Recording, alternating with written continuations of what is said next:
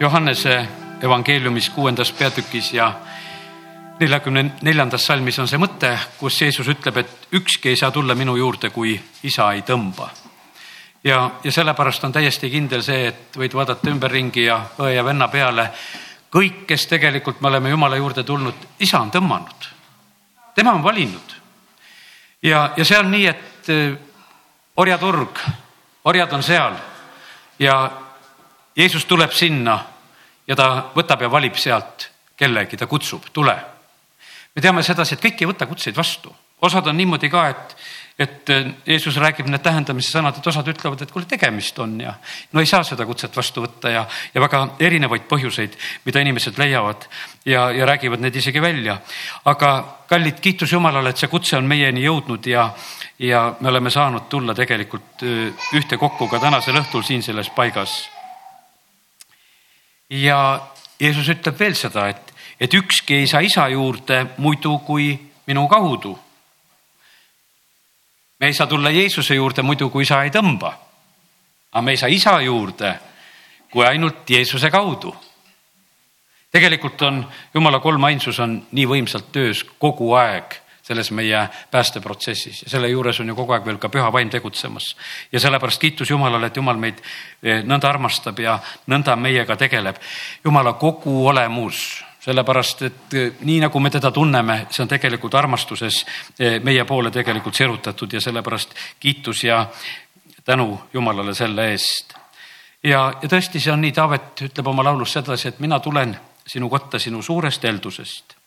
ja, ja sellepärast see on nii, et tänasel õhtul on ka, et see on jumala suur heldus, et me saame olla jumala kojas ja kiitus Jumalale, et, et me võime seda uskuda, et, et issand tunneb sellest rõõmu ja, ja ta tahab meile jagada seda, mida tema tahab jagada. see on Jakobuse kirja neljanda peatüki kaheksas salm.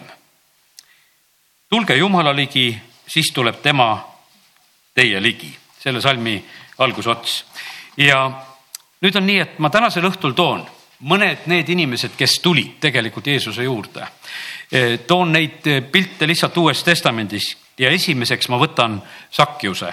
see on siis Luuke evangeeliumi üheksateistkümnes peatükk ja esimesed kümme salmi räägivad meile sellest, kuidas Sakjus tuleb Jeesuse juurde. tema tuleb Jeeriko linnas, kui Jeesus on sealt läbi minemas ja vaata, seal oli mees Sakjus nimi. see oli tölnerite ülem ja ta oli rikas. Sakjus püüdis näha saada, milline neist Jeesus on, aga see ei õnnestunud rahvahulga pärast, sest ta oli lühikest kasvu. siis ta jooksis ettepoole ja ronis mooruspuu otsa, et teda näha, sest Jeesus pidi sealtkaudu minema. ja kui Jeesus sinna paika jõudis, vaatas ta üles ja ütles temale, Sakjus, tule kiiresti maha, sest täna ma pean jääma sinu kotta. ja Sakjus tuli kiiresti maha ja võttis Jeesuse vastu rõõmuga ja seda nähes nurisesid kõik. tema on patuse mehe juurde öömajale läinud. Sakjus aga ütles issand ette astudes, vaata issand, poole oma varandusest ma annan vaestele ja kui ma olen kelleltki midagi välja pressinud, siis ma annan neljakordselt tagasi. aga Jeesus ütles talle, täna on sellele kojale tulnud pääste, sest ka tema on Abrahami poeg, sest inimese poeg on tulnud otsima ja päästma kadunut. selline oli Sakjuse tulek. E, ta tahtis, püüdis näha, siin meil eesti keeles on praegu öeldud selliselt, et ta püüdis näha, et milline neist on Jeesus. E, kui natukese neid sõnu vaadata, siis tegelikult ta tahtis tegelikult Jeesust tundma õppida. see ei olnud lihtsalt, et näha, et rahva hulgas ei taha, et see on tema, vaid tal oli soov, tegelikult ta otsis seda võimalust, kuidas ta saaks Jeesust tundma õppida ja ja siin lihtsalt see lugu, et ta on väikse kasvuga, ta ei saa seda rahva hulga pärast selliselt teha ja ta teeb sellise täiesti teistsuguse lahenduse, et ta jookseb ette, ta ronib puu otsa. Ma ei tea, millal sa viimati jooksid, ma usun, et neid jooksjaid on natukese rohkem olnud, aga millal sa viimati puu otsa ronisid. aga Sakjus sellepärast, et Jeesust näha, ta tegelikult eh, ronib puu otsa. ma täna lihtsalt internetist vaatasin ka neid eh, pilte, millise, milline see puu võiks olla, kuhu ta ronis ja, ja see, see võib olla nendest piltide peal erinev, me täpselt ei tea, milline see kindlasti siis oli, aga ta teeb selle. ja, ja ta on ootamas, ta on puu otsas ootamas sellepärast, et ta tahaks tegelikult Jeesust näha ja, ja kui ta siis ühesõnaga ühel hetkel on sellises olukorras, kus Jeesus ongi seal puu all, siis Jeesus vaatab sinna puu otsa üles ja ütleb, et Sakjus ütleb nimepidi, et tule alla. teate, see on nii, et jumal tunneb ja teab inimesi nimepidi ta teab neid, kes otsivad. me teame seda, et, et Johannese evangeeliumi seal esimeses peatükis on teine lugu. ma täna ei õpeta lihtsalt ju seda, et me peame puu otsa ronima. Ma usun, et seda saate aru, sellepärast et Johannese esimesest peatükist võime lugeda seda, nelikümmend kuus salmi sealt edasi. Natanel ütles talle, mis küll Natsaretist siis võib head tulla. Philippus ütles, et tule ja vaata Jeesus nägi Natanaeli enda juurde tulevat ja ütles tema kohta, ennäe, tõeline Iisraeli mees, kelles ei ole valet. Natanael küsis temalt, kus sa tunned mind? Jeesus vastas ja ütles talle, ma nägin sind viigipuu all, enne kui Philippus sind hüüdis. Nii et oled puu otsas või puu all, jumal näeb. ja, ja see ja sellepärast on see nii, et, et põhimõtteliselt jumal teab ja tunneb neid tegelikult, kes on, kes on otsimas. Ja, ja sellepärast need olid nüüd need inimesed, eh, keda isa oli tõmmanud ega teised ei tulnud Jeesuse juurde, keda isa oli tõmmanud. Need tulid tegelikult Jeesuse juurde selle tõelise huviga, et nad tahtsid Jeesust tundma õppida ja, ja Sakjus oli üks e, nende hulgast ja, sellepärast ta ei jäänud Jeesusele märkamata, sellepärast et Jeesus oli isaga kontaktis, ta teadis, et kuule, täna, täna tuleb üks eriline lugu, et üks mees tahab väga näha, aga ta lõpuks on seal puu otsas, kui ta e, mind on otsimas ja vaatamas ja Sakjus võtab teda rõõmuga vastu. no me ei tea, ega see ei ole kindlasti täiesti selline tavaline olukord, oled rikas mees, oled ülem ja oled puu otsas ja, aga on näha sedasi, et seal oli kõik hüljatud juba. vahet ei ole ronin nagu poisikene puu otsa ja sellepärast, et mul on praegusel hetkel lihtsalt see soov ja tahtmine, sest ma tahtsin tõesti Jeesust näha ja, ja sellepärast kiitus Jumalale, et, et me peame sellega ka arvestama, et kui me tuleme Jumala juurde, siis me peame midagi tegelikult võitma.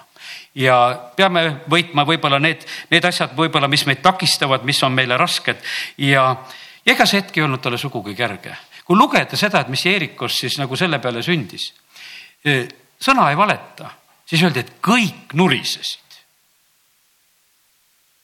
no kuule, ma usun sedasi, et sul ja mul pole veel nii hullusti olnud. mõni on jätnud ikka nurisemata ka, aga, aga Sakjusel oli nii, et noh, kõik nurisevad. et see mees ja Jeesus on nüüd koos ja, ja tegelikult ega nad, mina ei tea, siin on niimoodi, et eks põhimõtteliselt sai Jeesus ka natukese oma osa kindlasti sellest nurinast, sest nad nurisesid ja nurisesid Jeesuse peale ja nurisesid üldse selle olukorra peale. aga kallid, nii see on, et täna olen juba mitu korda seda rõhutanud et see algatus tuleb tegelikult isa käest. me oleme kord taevas kõik üsna võrdses olukorras. taevas oleme need, keda isa on kutsunud ja tõmmanud. me oleme seal need ja taevas on need, keda Jeesus on päästnud ja sellepärast seal ei ole, seal ei ole teist varianti. Ja sellepärast see teeb seal üsna nii võrdseks, et ma usun, et me võime seal üsna vabalt ja rõõmsalt sellepärast tunda, et ei olegi tegelikult teist teed, ei ole teist võimalust ja, ja me kõik läheme sellisel ühel samal viisil ja, ja see on meile kindlasti selliseks suureks lohutuseks, et, et me ei pea olema seal kuidagi mingisugused noh, nagu hädapärast, et oleme ka siia saanud, vaid, vaid tegelikult on see kutse, kui me oleme selle vastu võtnud, me võime seal julgusega olla ja nii, et kiitus Jumalale, Jumal märkab, eh, märkab neid, kes on otsimas, aga kiitus Jumalale, et Jumal on ise selle otsimise tegelikult ka meie südamesse pannud. ja, aga meie asi on tulla. ja, ja nii nagu see on, kui Jumala sõna ütleb, et tulge, siis mina tulen tulge tema ligi. Ja meil on ikkagi selline moment, et me peame alati nagu tulema, see võib olla see üksikult, kus me tuleme ta ligi, võtad kodus kätte, võtad piibli ja, ja palvetad, teed selle otsuse, et issand, ma tahan tegelikult sinu ligi tulla, tahan su sõna kuulda, tahan olla. Eh, see on samasugune otsus, kui me tuleme kogudusse, tegelikult me teeme selle otsuse, meie tegelikult teeme selle sammu. Ja, aga jumal teeb tegelikult omad sammud vastu selles asjas alati, sest ta on tõotanud seda, et kui teie tulete, siis mina tulen. Me tuleme kiituse ja ülistusega ja, ja see on see on tegelikkuses on see nii, et mis see on siis, kui me kiidame, ülistame. see on kiitusohver, nagu Hebra kiri ütleb. pastor Andrei Zapovalov just möödunud pühapäeval rääkis nagu seda, seda mõtet, et kuidas see tulemine meil on, et, et me tuleme alguses niimoodi, kui me tuleme Jumala ette, me tuleme nagu sinna eesõue ja ma usun, et täna, kui sa oleksid võib-olla seda jutlust kuulanud, siis sa oleks osanud võib-olla ennast jälgida. tegelikult, kui me tuleme Jumala ette ja me oleme nagu selles, nendes eesõuedes, kuidas templis vanasti seal oli, seal oli paganate eesõu, seal oli meestele-naistele oli eesõu. paganate eesõues oli noh, see kõige kehvem olukord, sest seal käis veel kauplemine, sealt võisid kõik läbi käia ja, ja see oli selline paik ja, ja sellepärast seal oli nii palju seda, mis nagu sellist igapäevasagimist ja, ja, ja tähelepanu nagu kõrvale viis ja, ja sellepärast oli see nõnda ja ma usun, et ka sellel ülistushetkel no kindlasti käis igasugu mõtteid ka veel peast läbi, mis on nagu noh, ütleme kuskilt päevast kaasas ja, ja, ja sellepärast see on, see on see eesõue värk. ja sellepärast siis võib juhtuda nii, et ja kui me saame siis astuda sealt edasi sinna pühasse paika, sinna said ainult preestrid.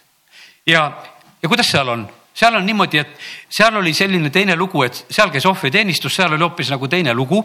sinna igaüks ei saanud tulla, preestrid olid toimetamas. no kiitus Jumalale, Uue Testamendi ajal oleme me see püha preesterkond, me saame minna pühasse paika ja nüüd see hoiatus ka, et ära sa sinna kõige pühamasse paika kipu, ära seda omal algatusel kipu, sinna käib kutsega sinna, sinna käib täiesti kutsega, sinna kutsutakse, see, see ei ole see koht, eh, kuhu meie peaksime nagu väga tahtma. Ja need on niimoodi, me näeme sedasi, et, et ka jumala sõnast eh, on see Apostel Paulus või neid lihtsalt võeti sellesse. Kui, kui jumal võttis oma lähedusse, see on, see on eriolukord, kui jumal sinna kutsub ja võtab. Ja, ja see on ka tema kutse alusel, isa, isa peab olema nendes asjades see tõmbaja. Ja, ja sellepärast on see nii, et vahest ütleme, see vaimne maailm nii huvitab. Ja, ja on olemas praegusel hetkel see oht eh, siin selles maailmas samamoodi ka, ka jumala sulaste keskel, sellepärast et on osad, kes on tulnud ka sellest okultsest maailmast ja on teatud praktikad, millega saab vaimses maailmas tegutseda. ja, aga me ei tohi mitte mingisuguseid praktikaid tarvitada, vaid meil peab olema kutse isa käest. Ja, ja sellepärast me, me me tuleme kiituse ja ülistusega ja, ja sinna pühasse paika on meile see tee avatud, kuhu me tohime tulla. Ja, ja sellepärast kiitus Jumalale. Ja Jumala otsus on see, kui ta tahab vahest veid edasi viia ja midagi rohkem näidata siis on see tema, tema õigus ja asi. aga selles pühas paigas on juba tegelikult super hea, see on nagu, see on nagu see Eedeni aed see on see, kus, kui päev läheb iluks, kus jumal tuli otsima, ta tahtis Aadanaga, Aadamaga ja Evaga olla seal eh, vestlemas ja, ja kohtuda. see oli see paik, kus tegelikult jumal inimene, inimene kohtuvad omavahel. see on see paik, kus, kus tulevad need ilmutused ja, ja sellepärast jumal on see, kes tegelikult tahab, tahab oma armastust eh, anda kogeda, aga samamoodi tahab anda neid teadmisi, asju, mis, mis on tema, tema poolt nagu plaanis ja ühel päeval on need, Sakarias on seal ja, ja ta saab selle teadmise, et nendel sünnib poeg, mis siis, et vanad, aga nad saavad lapse. Ja jumala tõotus hakkab täituma, palved on kuuldud ja asjad hakkavad lähenema. Ja ta saab selle tegelikult selle koha peal, kui ta on seal selles pühas paigas tegelikult toimetamas. Ja seal tuleb see teadmine. Ja sellepärast me võime olla ka, kui me tuleme Jumala ette, siis me võime olla selle põnevusega, et Jumal, mis sa räägid, mis sa ütled? Ja, ja sellepärast on see nii, et, et ma usun seda, et, et Jumal on tegelikult valmis rääkima ja, ja ta tahab, et meie tuleksime tema juurde. Ja, ja tal on ikka kindlasti seda olulist ütelda, mida meie ka vajame. ja nüüd Sakjus saab selle õnnistuse osaliseks, et Jeesus on lausa tema kodus. ja, ja me ei tea, mis seal kodus toimub, aga me näeme sedasi, et Sakkeuse elu muutub. pool varandust läheb vaestele, neljakordselt antakse tagasi ja Jeesus ütleb, et täna on sellele kojale pääste tulnud, ennem sellel kojal päästet ei olnud ja Jeesus ütleb sinna juurde ka, et, et sest inimene, inimese poeg on tulnud otsima ja päästma kadunut. tegelikult ta paljastab nagu selle Sakkeuse olukorra, ütleb, et kuule, tegelikult oli kadunud olukord oli vaja otsida, oli vaja leida. Ja, ja sellepärast ei olnud see võib-olla isegi eh, nii, eh, kuidas ütelda, nii meeldiv, mida ta tegelikult sellel hetkel nagu selliselt välja ütles selle peale. et eh, ta lihtsalt ei ütelnud, et oi, et Sakjus, sa oled nii, nii tore mees ja, ja issand õnnistagu väga sind ja, või mitte taolist, vaid ta tegelikult ütleski jah, täna täna juhtus nii, et on õnnistus tulnud. Ja, ja, ja siis ongi, et inimese poeg on tulnud otsima kadunut ja näed, nüüd on see juhtunud, et, et on ka leitud ja ta on. kadunud poeg samamoodi Luuke evangeeliumis, seda ei hakka lahti tegema täna, eks. ühel päeval keskeneb, ta tuleb ja, ja mis seal juhtub, seal on nii, et isa jookseb vastu. kui Sakjus jooksis siin ise, siis tegelikult me võime näha sedasi sellest pildist, et kuivõrd tegelikult Jumal on meile eh, eh, vastu tulemas ja nii, et, et kiitus Jumalale.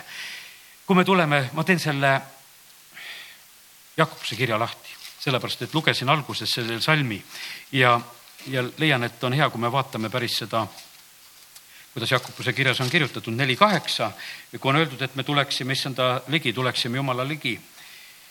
tulge Jumala ligi, siis ta tuleb teie ligi. patused puhastage käed, kasige südamed, te ingelt kahestunud. Jakobus tarvitab nagu seda mõtet, milles on see nagu see ingelt kahestumine. no see on kahtlemine, ta seal ütleme üks kakskümmend üks ütleb samamoodi ühe mõtte, mida tahtsin lugeda, seepärast pange maha kõik rüvedus ja rohke kurjus ja võtke ta-, tasatusega vastu sõna, mis teisse on istutatud ja suudab päästa teie hinge. ja sellepärast, kallid, see pääste on meile võimalik, kui me võtame seda vastu ja, aga me peame tulema usus Jumala juurde, et, et sellest päästest tegelikult piisab. ja, ja siin need algusepoolsed salmid veel kuus kuni kaheksa eks on öeldud, ta palugu usus ilma kahtlemata, sest kahtleja sarnaneb tuule tõstetud ja sinna-tänna paisatud merelainega. selline inimene ärgu ometi arvagu, et arvaku, et ta midagi saab issandalt. ta on hingelt kaksipidine mees, ebakindel kõigil oma teedel ja sellepärast jumal tegelikult tahab seda, et, et eh, me saaksime ühe kindla usu. meie pääsemise aluseks ei ole mitte mingisugust muud teed kui see, mida Jeesus Kolgata ristil tegi ja, ja sellepärast on see nii, et, et kui me Jumala juurde tuleme, siis meil ei ole mitte mingisugust muud teist teed.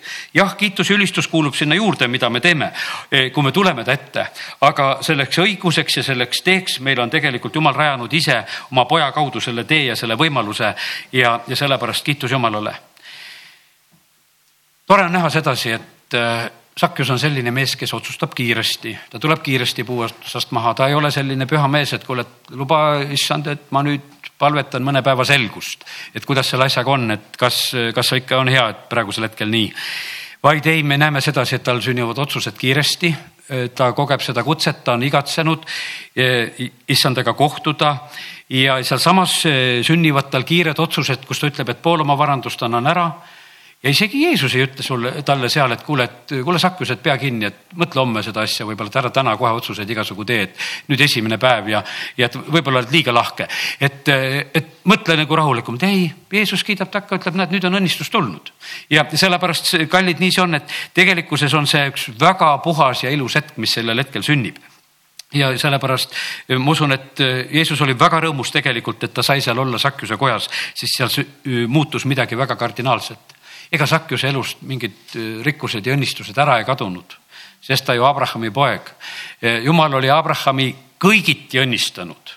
Ja see on esimese Moosese kakskümmend neli üks. Ja sellepärast Jumal on tegelikult õnnistamas seda Abrahami sugu. Ja me võime ka sellega arvestada, et ta tegelikult seda tahab.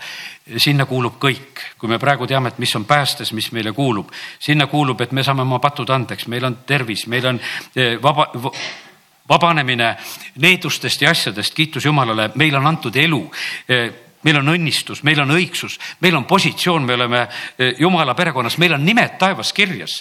E, see nimede kirjas olemine, see ei ole mitte mingisugune Uue Testamendi asi, me teame seda, et ju Mooses kaupleb, ütleb, et kuule, kustuta minu nimi ära.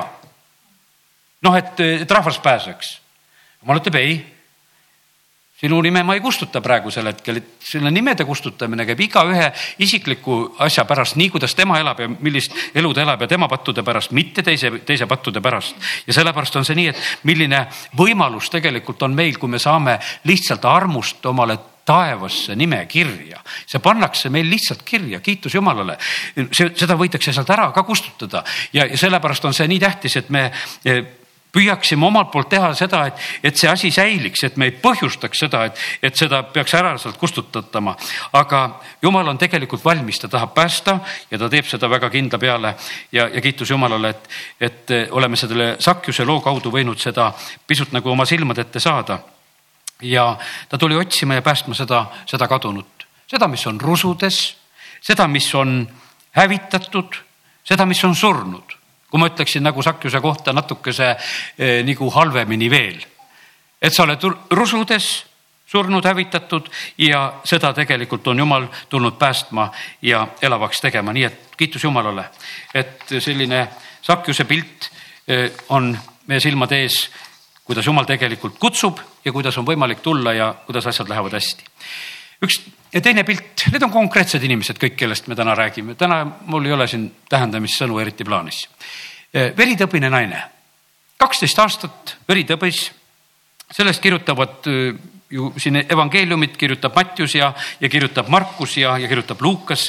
Nad kirjutavad kõike seda ja ma lugesin täna veritõbese naise tulekut nagu Jeesuse juurde kõigi nende kolme evangeeliumi kaudu. Tema tahab tulla ja puudutada tal on see pilt kuskilt saadud, et kui ta tuleb ja kui ta puudutab seda kuuepalistust, siis ta tegelikult saab terveks. ta on kuulnud lugusid Jeesusest. ja, ja see põhjustab seda, et, et ta tuleb. tal on kaksteist aastat läinud nõnda, et äh, on proovinud terveks saada, on käinud arstide juures ja abi pole ta kuskilt saanud ja, ja siis ta tuleb ja ta tuleb rahva hulgas ja ta tuleb Jeesust puudutama. veritõbisel naisel ei oleks olnud üldse õigust tegelikult puudutada sest et Vana Testament ütleb, et kui sul on see voolus, sa oled roojane, sa ei tohi mitte midagi puudutada. ja ta tegelikkuses on seal niimoodi, et ta nagu rikub reegleid ka veel. et ta otsustab, et mina tulen ja, ja olen, olen roojane praegusel hetkel ja otsustan puudutada kõige pühamat no kas Jeesus sai roojaseks? no ei, Jeesus ei saanud roojaseks. Jeesusest lähtus vägi ja naine sai terveks ja sellepärast seda teematki Jeesus absoluutselt ei tõstata ega ei küsi. aga sellel hetkel tegelikult on see nii, et, et ta tuleb selliselt, ta tuleb vargsil viisil, ta tuleb selliselt, ta ei tulegi võib-olla oma probleemi ju sedasi eh, avalikuks tehes alguses ja ta mõtleb, ma käingi salaja ära ja ma katsun selle tervise sealt kätte saada ja asi on korras ja siis vaikselt imbun sealt rahva hulgast jälle välja ja asi korras. ja Mattiuse evangeelium kirjutab seda pisut lühemalt. aga teate Markuse evangeelium, teeme selle lahti, Markuse viis, kakskümmend viis kuni kolmkümmend neli. Eh, Markuse evangeeliumit, kui sa loed, sa võid arvestada sellega, et, et seda, seda evangeeliumi näe nagu Peetruse silmade läbi. ja, ja küsimus oli selles, et selles loos oli Peetrus tegelikult väga lähedal, sellepärast et Peetrus isegi vastas ja rääkis ja, ja tal oli seal selge ülevaade kõigest sellest, mis nagu to toimus. ja nüüd, kui see eh, veritõbine naine siis tuleb, ta tuleb siis rahva hulgas Jeesuse juurde ja kuidas siin Markuse evangeelium kirjutab. ta oli palju kannatada saanud, kakskümmend kuus salm, arstide käes ära kulutanud kõik, mis tal oli, ei olnud saanud mingit abi, kuulnud lugusid Jeesusest. väga tähtis on, et Jeesusest oleks lugusid kuuldud ja sellepärast me teeme seda pühapäevakoolis, kui tähtis on tegelikult, et lapsed kuulevad lugusid kui tähtis see on. me oleme seda vilja näinud, oleme näinud ka möödunud aastal, et pühapäevakooli laps, ta oskab tegelikult selle tõttu käituda nii, et äh, sellest asjast kinni hakata, mida ta tegelikult siis õppis ja see oli nii lapsena õpitud. aga juba siis, kui oled täiskasvanuks saanud, sa tegelikult teed palju korraldusi õieti selle tõttu, sellepärast et sa olid kuulnud midagi. ja nüüd on niimoodi, et see naine oli kuulnud lugusid Jeesusest, tuleb ja puudutab Jeesuse kuuepalistust sest ta ütles, no see on nüüd usuinimene oli, see oli täitsa usuinimene, kes südames usub ja suuga tunnistab. Markuse evangeelium toob selle välja, et ütles, teised ei too seda välja. aga et see naine tuleb ja, ja ta ütleb ka, kui ma saaksin tema kuupöögi puudutada, siis ma paraneksin. ja kohe kuivas ta verelätte ja ta tundis oma ihus, et ta oli paranenud sellest hädas Jeesus tundes endamisi, et vägi oli temast välja läinud, pööras kohe rahva hulga seas ümber ja küsis, kes puudutas mu rõivaid.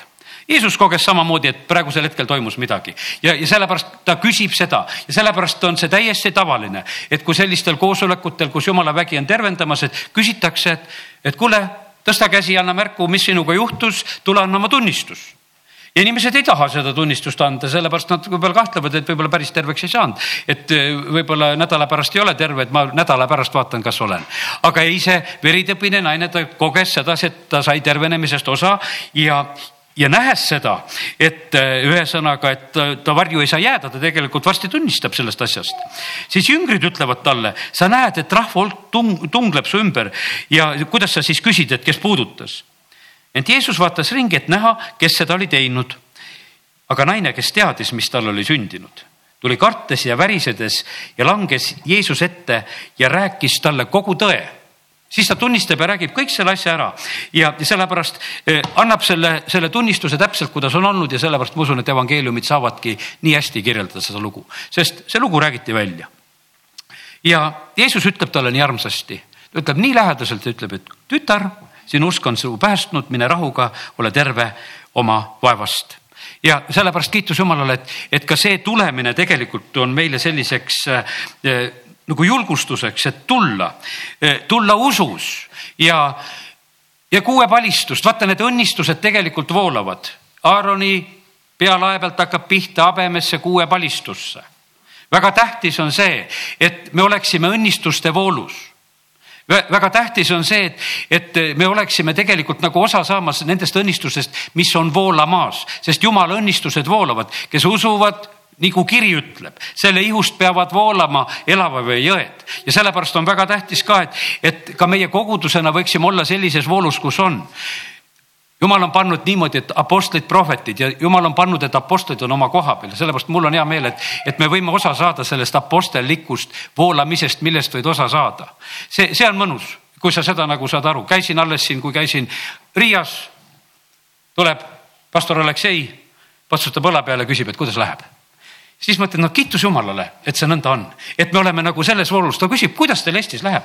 no lätlased vaatavad tegelikult sellel koosolekul, kui me seal olin, olin seal, siis ma nägin sedasi, et nad vaatavad sellise suure austusega ka tegelikult Eestimaa poole. ja, ja oli nagu meeldiv olla sellel hetkel ka seal selle rahva hulgas ja keskel ja sellepärast kiitus Jumalale, et me võime olla selles, selles voolus ja selles õnnistuses ka praegusel hetkel ka siin Võru kogudusena kaasas. ja õnnistused voolavad selle tõttu, et Jumal on need nõnda seadnud. Nad ei voola mitte ükstapuha kus igal pool. Jumal on tegelikult on niimoodi, ta tarvitab oma sulaseid ja, ja need õnnistused voolavad nendes paikades tegelikult, kus, kus neid nagu vastu ka võetakse. kes võtab vastu prohveti, prohveti nime tõttu saab prohveti palga. Ja sellepärast need asjad on jumal niimoodi seadnud, et, et ta kutsub tulge, meie asi on tegelikult nagu sirutuda ja, ja võtta nagu sellest asjast osa ja me peame omalt poolt selle sammu tegema ja siis ei jää jumal tegelikult võlgu ja õnnistused tulevad. nii et kiitus Jumalale, et Jumala tõotused on eh, väga kindlad. Jeesus oli võitud mees, naine tegi väga õige asja, Jeesus oli ju see, kes käis mööda maad, tervendas ja vabastas neid inimesi, kelle üle kurat oli võimust saanud sellepärast, et see võitmine oli tema peal ja see naine sai ka väga konkreetselt sellest asjast osa. kaksteist aastat oli ta olnud veritõbes. kui seda lugu nagu lugeda, siis jäi mul noh, teine asi silma, et, et Jairuse tütar, kelle loo sees tegelikult see oli, Jairuse tütar oli ka kaksteist aastat, just vana ja veel hullem lugu, suremas.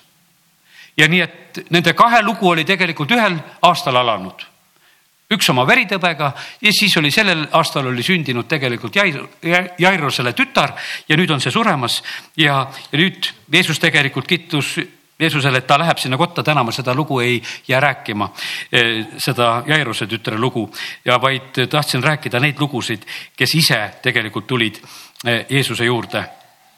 ja, ja see on meie eesõigus, et me võime tulla tegelikult eh, Jumala juurde ja usust tulla ja, ja kui me teda otsime, siis tegelikult me võime näha sedasi, et tegelikult Jumala poolt on nii suur tegelikult vastutulek. Ja sellepärast ma usun seda, et, et äh, Jumal julgustab ka sellel aastal neid inimesi tegelikult, kes on otsimas kes on otsimas, need, kes on veel kuskil puu otsas, need, kes on kuskil veel puu all, need, kes on kuskil lihtsalt veel, et nad on kuulnud, aga nad ei ole veel täna tulnud kodust välja ja, ja nad ei ole liikuma hakanud, need inimesed tulevad Need tulevad sellepärast, et tegelikkuses on see, et jumal on neid tegelikult kutsumas ja tõmbamas ja, ja kiitus Jumalale, et, et nad saavad liikuma ja, ja nad, nad tulevad. nii et see on võimas. Räägime ühe loo veel. Nüüd on niimoodi olnud, et oli üks selline rahamees ja rikas mees, aga räägime ülematest, ülemad peavad ka tulema, räägime Nikodeemusest millal ülemad tulevad? ülemad, noh, mina ei tea, päeval on palju tegemist, nemad tulevad öösel. Või, või mille pärast nad tulevad, võib-olla ka sellepärast Nikodeemus tuleb öösel, et, et ta ei tahtnud nagu tegelikult nagu kuidagi nagu tähelepanu äratada, et tema läks ka Jeesuse juurde, et noh, kuule, näevad, et auto on ees ja, ja mina seal ja nagu kuidagi ära tuntakse ja, ja, ja ta otsustas, et kuule, et ööpimeduses ja varjus on see kuidagi natukese teistmoodi, et, et must jääb võib-olla ka. Ja aga, aga ta igatsus ja soov on tegelikult nii suur. Ja me näeme sedasi, et eks me oleme seda samamoodi näinud ka, et, et ka ülemad ka meie maal, nad on otsinud neid teisi võimalusi, otsid omaette võimaluse, tahavad jumala mehega kohtuda ja, ja tegelikult, aga jumal märkab ja paneb seda tähele. Ja sellepärast olgu õnnistatud kõik need ülemad, kes on tegelikult samamoodi otsimas, sest et jumala ees ei ole vahet, kõik, kõik vajavad jumalat. Ja, ja sellepärast selles ei ole midagi imelikku ja sellepärast on see nii, nii hea, et, et Johannese evangeeliumi kolmandas peatükis on meil lugu, et et selline haritud mees, variser nimega Nikodeemus, juutide ülemaid tuleb ühel ööl Jeesuse juurde ja ütleb talle, tal on ilus alguse sõna, rabi, me teame, et sa oled Jumala juurest tulnud õpetaja, sest keegi ei suudaks teha neid tunnustähti, mida sina teed, kui temaga ei oleks Jumal. ja õpime Jeesusest, kuidas ta käitub tegelikult ülemaga. ta tegelikult paneb üsna ebamugavasse olukorda selle ülema. Ta hakkab rääkima tõesti, tõesti, ma ütlen sulle, kui keegi ei sünni ülalt, ei või näha Jumala riiki.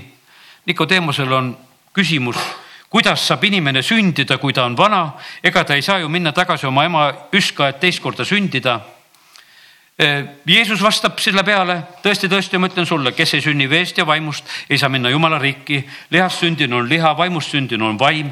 ära imesta, et ma sulle ütlen, et te peate ülevalt sündima. Tuul puhub, kuhu ta tahab, saab kuulata häält, kuid sa ei tea, kust ta tuleb ja kuhu läheb. niisamuti on kõigiga, kes on vaimust sündinud. Nikodeemus küsib veel korraks vahele, et no kuidas on see võimalik.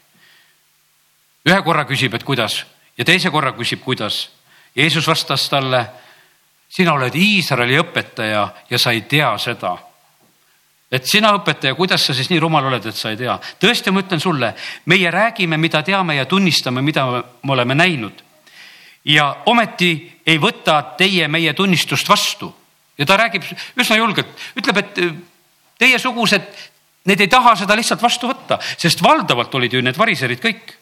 Te ei usu mind juba siis, kui ma räägin maistest asjadest kuidas te usuksite, kui ma räägiksin teile taevaseid asju? No ütleme, et see ei ole selline väga sõbralik suhtlemine, et sa räägid talle, et kuule, sa ei usu, sulle eriti ei tasu rääkida, no maistest asjadest võiksime natuke arutada. no taevastest asjadest sinuga ei tasu arutada, sest sa nendest ei saa aru ja sa ei mõista ja ei oska neid vastu võtta ja siis Jeesus ütleb edasi ja ometi ei ole läinud keegi üles taevasse peale inimese poja, kes on tulnud taevast alla. see mõte on nagu selline, et, et äh, siis äh, tema on see, äh, kes on sealt tulnud ja on sinna minemas ja tema teab rääkida taevastest asjadest ja ja siis ta räägib Vana-testamendi lugu, mis pidi kindlasti Nikodeemusele olema tuttav. mul oli vahest nagu selline probleem, et mõtlesin, et millal see Nikodeemus sealt jalga lasi. et selle loo sees, sest me ei saa päris aru Eh, noh, sest seal ei ole sellist, et hüvasti jättu, et nüüd ta läks ära. aga miskipärast, kui ma täna lugesin, et ma mõtlesin, et ikkagi, kuule, Nikodeemus pidi selle kahekümne esimese salmini vastu pidama. ja et eh, see, see oli kõik, sellepärast et eh, ja siis ta räägib, Mooses ülendab vaskmao seal kõrbes ja nõnda peab ületa, ülendatama inimese poeg, et igalühel, kes usub, oleks temas igavene elu. no see kuldsalm seega talle räägiti ära, sest nõnda on jumal maailma armastanud, et ta oma ainusündinud poja on andnud, et ükski, kes temasse usub, ei hukuks, vaid et tal oleks igavene elu. jumal ei ole oma poega läkitanud maailma, et ta maailma üle kohut mõistaks, vaid et maailm tema läbi päästetaks kes temasse usub, selle üle ei mõisteta kohut, kes ei usu, selle üle on juba kohus mõistetud, sest ta ei ole uskunud Jumala ainusündinud poja nimesse. ja siis ta hakkab rääkima, mis see kohus on. ent kohus on see, et valgus on tulnud maailma aga sina, mees, kardad valgust, tuled öösel pimedas. aga valgus on tulnud maailma, see on kohus aga inimesed armastasid pimedust enam kui valgust. vaata, võtta nagu sedapidi teema ülesse.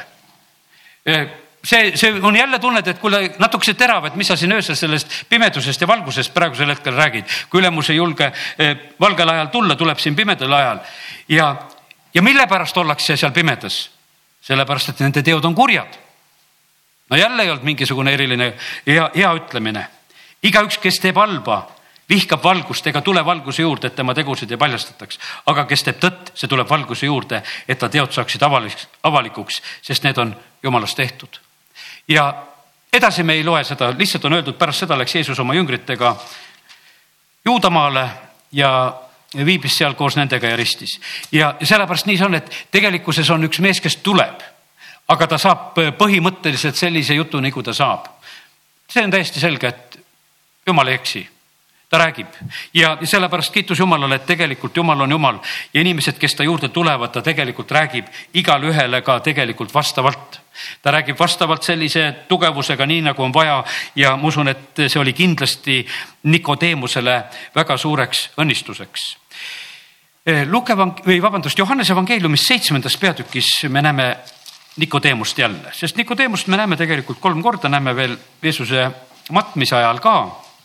ja, ja seitsmendas peatükis ütleb äh, Nikodeemus sellise poliitiliselt korrektse ütlemise Jeesuse kohta. see on seitse viiskümmend üks. ega siis meie seadus mõista inimest süüdi, enne kui teda ei ole üle kuulatud ja teada saadud, mida ta on teinud. Ja sellepärast on see niimoodi, et me näeme sedasi, et ei ole selles noh, ütleme sellist väga julget Jeesuse pooldamist. Aga no lihtsalt selline vaikne soov, et kuulge, et sest et teised olid tegelikult, olid Jeesuse üle kohut mõistmas ja, ja sellepärast Nikodeemus siis sellel hetkel ütleb, et kuule, et me ei saa ikka ennem süüdi mõista, e, kui me ei ole teda üle kuulanud ja teada saadud, et mis ta siis tegelikult teinud on. ta teeb selle, selle ütlemise ja teate, isegi selle ütlemise peale saab ta sellise vastuse, et kuule, kas sina oled Galileast? et kas sina ka oled Galileast, uuri järele, Galileast ei tõuse prohvetit. ja, sellepärast e, lihtsalt see selline väikene teatud poolehoid Jeesusele, mida ta väljendas, selle eest ta sai oma rünnaku. ja et mis sealt Võrust tuleb head või mis iganes, ütleme, et me saame neid ütlemisi vahest tegelikult väga kiiresti me lugesime sealt Johannese evangeeliumi alguses, et kui seal Philippust kutsuti, et no kuule, mis sealt Natsaretist võib head tulla, see Galilea ja see Natsaret, eks. et mis sealt siis võib head tulla, et uuri järele, et mis sealt saab tulla. aga kallid, nii on tegelikult jumal teinud, et see, kus tema tahab õnnistada, tema tema valib need kohad, vahet ei ole. Ja tema, tema valib need paigad ja kohad, kuhu ta val, valab oma ärkamise tule välja. Ja teeb, kuidas tahab. Täiesti teeb nii, kuidas tahab ja sellepärast, kallid, eh, jumal on jumal. Ja sellepärast me peame sellega leppima ja sellepärast need inimesed, nad nagu tahtsid nagu kuidagi teisel viisil, et see asi oleks ja otsisid neid prohveteeringuid ja asju taga. aga see oli selline, tegelikult see ei olnud tavaline olukord, kui lugeda nagu sealt eestpoolt ka. Eh, ja siin on niimoodi, et Jeesus on pühas kojas ja Jeesus õpetab seal ja loeme siit seitsmes kuni eh, või alates kakskümmend kaheksa, seitse kakskümmend kaheksa samast peatükist veel. siis Jeesus hüüdis pühas kojas õpetades valjusti. selline õpetaja oli seal, kes hüüab valjusti. ja mind te teate ja teate, kust ma olen et mina ei ole tulnud iseenesest, vaid tõeline on tema, kes minu on saatnud, keda te ei tunne. ja seal on niimoodi, et inimesed on kahes lehes, osad mõtlevad, et kuule, ta on Messias, teised ütlevad, et noh, et ei tead, et võib-olla mingi prohvet on. ja paljud tegelikult hakkavad uskuma sellepärast, et Jeesus on teinud palju tunnustähti. kui variserid kuulsid seda kolmkümmend kaks salm eh, omavahel neid nõnda sosistamas, läkitasid nemad ja ülempreestrid sulased teda vahistama, sest nad nägid sedasi, et kuule, usuvadki sellesse Jeesusesse, et seda, seda asja tuleb tegelikult kuidagi ära lõpetada kolmkümmend seitse salm, jälle Jeesus on seal pühade viimasel päeval, seisab ja hüüab valjusti. kellel on jänu, see tulgu minu juurde ja joogu. no mis täna jutlus on? tulge, seesama asi. Ja sellepärast, kallid, see, see kutse käib. Ja see, see kutse käib, see käib niimoodi, et me vahest nagu kaotame tähelepanu. aga tegelikult Jumal on see, kes kogu aeg kutsub, iga päev kutsub, ta kogu aeg kutsub, kellel on jänu, tulgu, kellel on jänu, see tulgu! Ja kallid, tegelikkuses on see nii, et, et väga paljuski see, mis sünnib siin meie koguduses, see sõltub sellest janust, mis on selles paigas. see sõltub, iga koosolek, ma ütlen, see sõltub, ükstapuha, kus me teeme, on see Zorus, on see uuenslas või on see Alfa grupis, see sõltub janust kui on keegi tulemas jooma, siis, siis saab, siis saab tegelikult joota. Ja siis tuleb jumal sinna ligi, ta hakkab tegema seda ja sellepärast Jeesus on samamoodi, et kui on keegi, kes iganes januneb, las nad tulevad. Ja, ja kes usub minusse nii nagu kiri ütleb, siis selle ihust hakkavad voolama elava või jõed. Ja ta räägib neid asju. Need templisulased, kes tegelikult pidid Jeesuse kinni võtma, nad ei suutnud seda teha. Sellepärast, et nende jaoks oli see nagu kuidagi liiga kummaline ja raske, sest et Jeesus räägib sellise meelevallaga ja, ja nad tulevad tagasi ja ütlevad nendele ülempreestritele ja variseridele, et, et siis seda, et nad ei saanud sellega hakkama ja need küsivad, miks te ei toonud. ükski inimene ei ole veel kunagi nõnda rääkinud nagu see inimene ja Need küsivad kohe, et kuule, te olete ka lasknud ennast eksitada, sest ükski ülematest ei usu ja ja, ja neetud on see rahvas, kes tegelikult seadust ei tunne. no nii kõvasti pannakse paika ja siis on, kui see asi on läinud selle koha peale, vaata siis on see Nikodeemuse selline ütlemine, et kuule, et kuulame ikka üle. et neetud on nad küll seal küll, aga, aga kuulame nad ikkagi üle, et mis, milles siis see lugu on või mis selle Jeesusega on. ja sellepärast Jeesuse juurde tulek on selline, et eh, tegelikkuses on vaja päris palju julgust ja sellepärast see on kui me lugesime Markuse evangeeliumist, eks siis ma ütlesin, et see on Markuse eh, sõnum. ma loengi nüüd Markuse viieteistkümnendast või Peetruse sõnum, eks. Eh, Markuse viieteistkümnendast peatükist teeksin lahti ja loen sealt neljakümne kolmanda salmi, viisteist nelikümmend kolm. ja seal on räägitud Joosep Arimaatiast nelikümmend kaks loeme ka ja kui päev oli jõudmas õhtusse, õhtule, kuna käes oli pühade valmistuspäev, see tähendab reede, tuli Arimaatia Joosep, lugupeetud mees, suurkohtu nõunik, kes ka ise ootas Jumala riiki, võttis julguse kokku ja astus sisse Pilatuse juurde ja palus enesele Jeesuse ihu. Pilatus imestas, et Jeesus on juba surnud ja ta kutsus enda juurde sadakonna ülema ning küsis temalt, kas, kas ta tõesti juba suri. ja, ja kui ta seda sai teada, siis ta kinkis surnukeha Joosepile ja ta ostis lina, võttis Jeesuse ristilt maha, mähkis linasse ja paigutas ta kaljusse raiutud hauda ja veeretas kivi hauakambri ukse ette. ma mõtlen seda, et kui Jeesus löödi risti, no see oli selline rohmakas tegevus. no ma ütlen, et me võib-olla oleme pisut nendest filmidest nagu näinud ja kuidas see käis. aga ma usun seda, et kui ma täna lugesin sedasi, et, et see oli midagi väga ilusat ostab lina, kuidas Jeesus võetakse ristilt, kuidas mähitakse, kuidas paigutatakse, kuidas kivi veeretatakse see lauaukse ette. seal kambas on tegelikult Nikodeemus, kes toob tegelikult kolmkümmend kilo seda lõhnarohtu selleks, et Jeesus seal veel nende kommete kohaselt ka matta ja teha. ja, ja see oli selline tegelikult eriline hetk, mida ka seal Nikodeemus sellel hetkel üle elas. ma usun sedasi, et vaata, seal oli nagu teatud midagi sellist nii, nii Joosepi poolt kui, kui Nikodeemuse poolt oli midagi nagu viimast. et kui nad täna ka ei teeks, no millal siis veel? sest selle ülestõusnud Jeesusega sul pole niimoodi, et sa juba saad teda kuskilt kinni võtta sabast nii kergesti aga praegu oli nagu viimane võimalus, et nüüd on matus. ma mõtlen selline näiteks minu üks sõpradest kunagi käis ühe dissidendi matustel, Jüri Kuke matustel ja ta ütles, et noh, et, et kui ta seal Venemaa vangilaagris suri, siit see Eestimaa mees ja noh, temal lihtsalt oli see otsus, et ma tahan sinna matustele minna. no sa paned ennast noh, sellesse olukorda, see oli nõukogude aeg. no sa paned endale märgi külge. Jeesus on surnud kurjategija surma, seal ei ole mitte mingisugust vahet. sellel matusel KGB oli samamoodi kohal ja vaatamas, et kes seal matustel on ja, ja see sõber seal lihtsalt käis ja ütles, et ma käisin seal ja noh, nii, nii ta oligi, eks.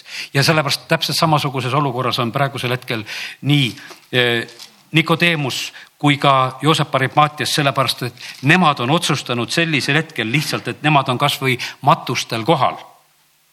ja, ja nad ei häbene seda teha ja Luuka kakskümmend kolm, eh, loeme selle koha ka veel, sellepärast et vahest on kasvõi parem hilja kui mitte kunagi neid asju teha ja Luka kakskümmend kolm, salmid viiskümmend, viiskümmend üks. tasub ka oma eriarvamused protokolli panna, vahest on see niimoodi, mõtlen mina üksinda, mõtlen teistmoodi, et mis sellest ka kasu on, on kasu, näed, eriarvamus on ära protokollitud ja me võime lugeda Luka kakskümmend kolm, salmid viiskümmend ja viiskümmend üks. mis siin on öeldud? ja vaata Juuda linnast Arimaatiast pärit Joosepi nimeline suurkohtunõunik, kes oli hea ja õiglane mees kes ei leppinud nende otsuse ja teoga ja kes ootas Jumala riiki. see läks kirja. ma olen täiesti eriarvamusel, Jeesus löödi risti, aga ma palun, et tegelikult see minu eriarvamus tegelikult tuleks täiesti esile ja, ja see on täiesti õige, et seda teha. ja sellepärast tasub, tasub olla üksinda selle eriarvamusega, aga see, see on väärt tegelikult, et selle julgusega nagu sellel hetkel ka välja tulla ja nii, et need inimesed, kes tulevad Jeesuse juurde, pane tähele, tegelikult julgus hakkab kasvama. ma usun sedasi, et meie julgus ka kasvab. ma usun, et see on täiesti erinev võib-olla sellest, kui sa alguses tulid ja, ja see kasvab ja see kasvab ja kasvagu see ka meie igaühe elus tegelikult, olgu see nõnda. jumal paneb seda kõike tähele, et kuidas, kuidas me elame, jumal loeb ära Eestimaal samamoodi, et kui palju on neid, kes ei ole oma põlve nõtkutanud paali ees, kui palju on neid, kes on tegelikult eh, julgelt eh, teda armastamas, kes on sellised kompromissitud.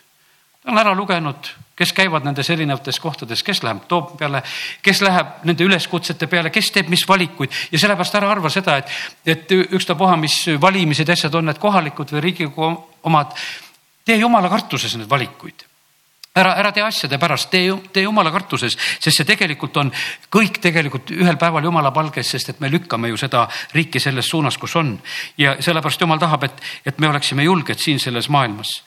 ja ta paneb tähele, paneb Sakjuse tähele, paneb veritebese naise tähele, eh, paneb Nikodeemuse ja Joosepi tähele ja, ja muideks ta paneb tähele täna sind ja mind täiesti paneb tähele.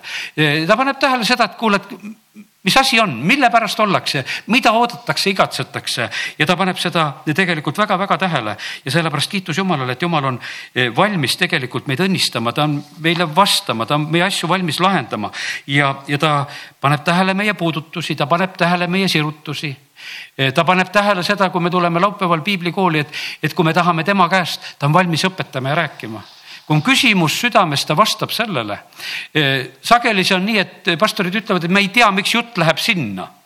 sest et ega me ei küsi sedasi, et ütelge küsimus, et me vastame nendele.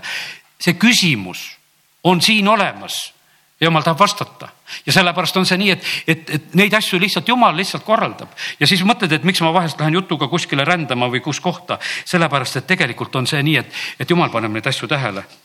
jumal paneb tähele kõiki, ta paneb tähele neid kes otsivad ja guugeldavad praegu internetis ja, ja tahavad jumala sõna kuulata, nad paneb neid tähele. jumal paneb tähele neid, kes tegelikult interneti kaudu otsivad ja kuulavad jutlusi. Eh, ka neid, mis meie kogudusest antud hetkel tulevad. ta paneb neid tähele tegelikult, sest see on inimeste selline otsimine. ühel päeval üks inimene mind tervitas kaupluses. ta tervitas mind nii suure aupakkusega. ma ei mõelnud nagu sellel hetkel midagi. mõtlesin, millest see niimoodi tuleb pärast nagu käib südamest läbi, et kuule, vist ta kuulab su jutlusi. no mis on tal lihtsalt ühte sellist rõõmutervitust teha? nähtavasti tal on lihtsalt minuga side olemas, see on täpselt niimoodi, et, et tal on endal nagu palju rohkem teada, mille peale ta mõtleb. osad tunnistavad kuskil hiljem üles, et kuule jah et kuule, saabki vahest mõnda kuulatud ja mis iganes. ja sellepärast, kallid, nii see on, et aga jumal paneb need otsijad tähele ja sellepärast tänane see sõnum on mul olnud selline, et, et äh, ma usun ja näen sedasi, et jumal on sellel aastal tegelikult neid, neid tegelikult välja toomas, kes on otsimas. kiitus Jumalale, kiitus Jumalale, et on ühel päeval meiega hakkama saanud ja sellel aastal ta saab veel päris paljudega hakkama. amin. tõuseme ja oleme palves. isa, me täname sind et sina tõmbad ja me ütleme sulle veel kord tänu sellel tänasel õhtul, et sa oled meid tõmmanud. jumal, see ei ole mitte kellegi meie algatus, et me oleme siin, Jumal, sinu riigis ja oleme sinu lapsed. me täname, et see on sinupoolne algatus me täname sind, et sa saatsid selleks oma poja Jeesuse meile päästjaks ja me täname sind, Jeesus, et sina oled meile teeks isa juurde. ja, aga isa, me täna eriti õnnistame neid inimesi, kes on otsimas me õnnistame neid ülemaid, me õnnistame neid lihtsaid naisi ja mehi, me õnnistame neid rikkaid ja rahamehi ja kes iganes on otsimas, jumal, ja me täname sind, Jumal, et sina paned igat ühte tähele. sa paned last tähele, eh, sa paned igat ühte ja, ja kiitus ja tänu ja ülistus sulle, et, et meie võime, Jumal, ka praegu seda armu paluda, et kus peame olema meie need sidemehed, kes midagi ka teeme. isa, me täname sind, et me võime sinu armu paluda, et me julgelt oleksime seal ka abiks, kus on tarvis, et inimesed võiksid tulla sinu ligi. Sa kiitus ja tänu ja ülistus sulle Jeesuse nimel, amin